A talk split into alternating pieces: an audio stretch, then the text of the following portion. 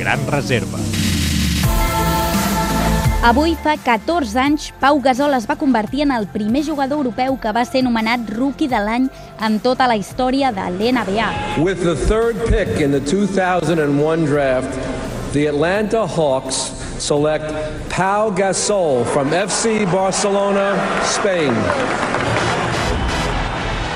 El jugador dels Memphis Grizzlies va ser triat com el millor jugador nou de la Lliga, amb més del 92% dels vots, al davant de Shane Battier i de Jason Richardson.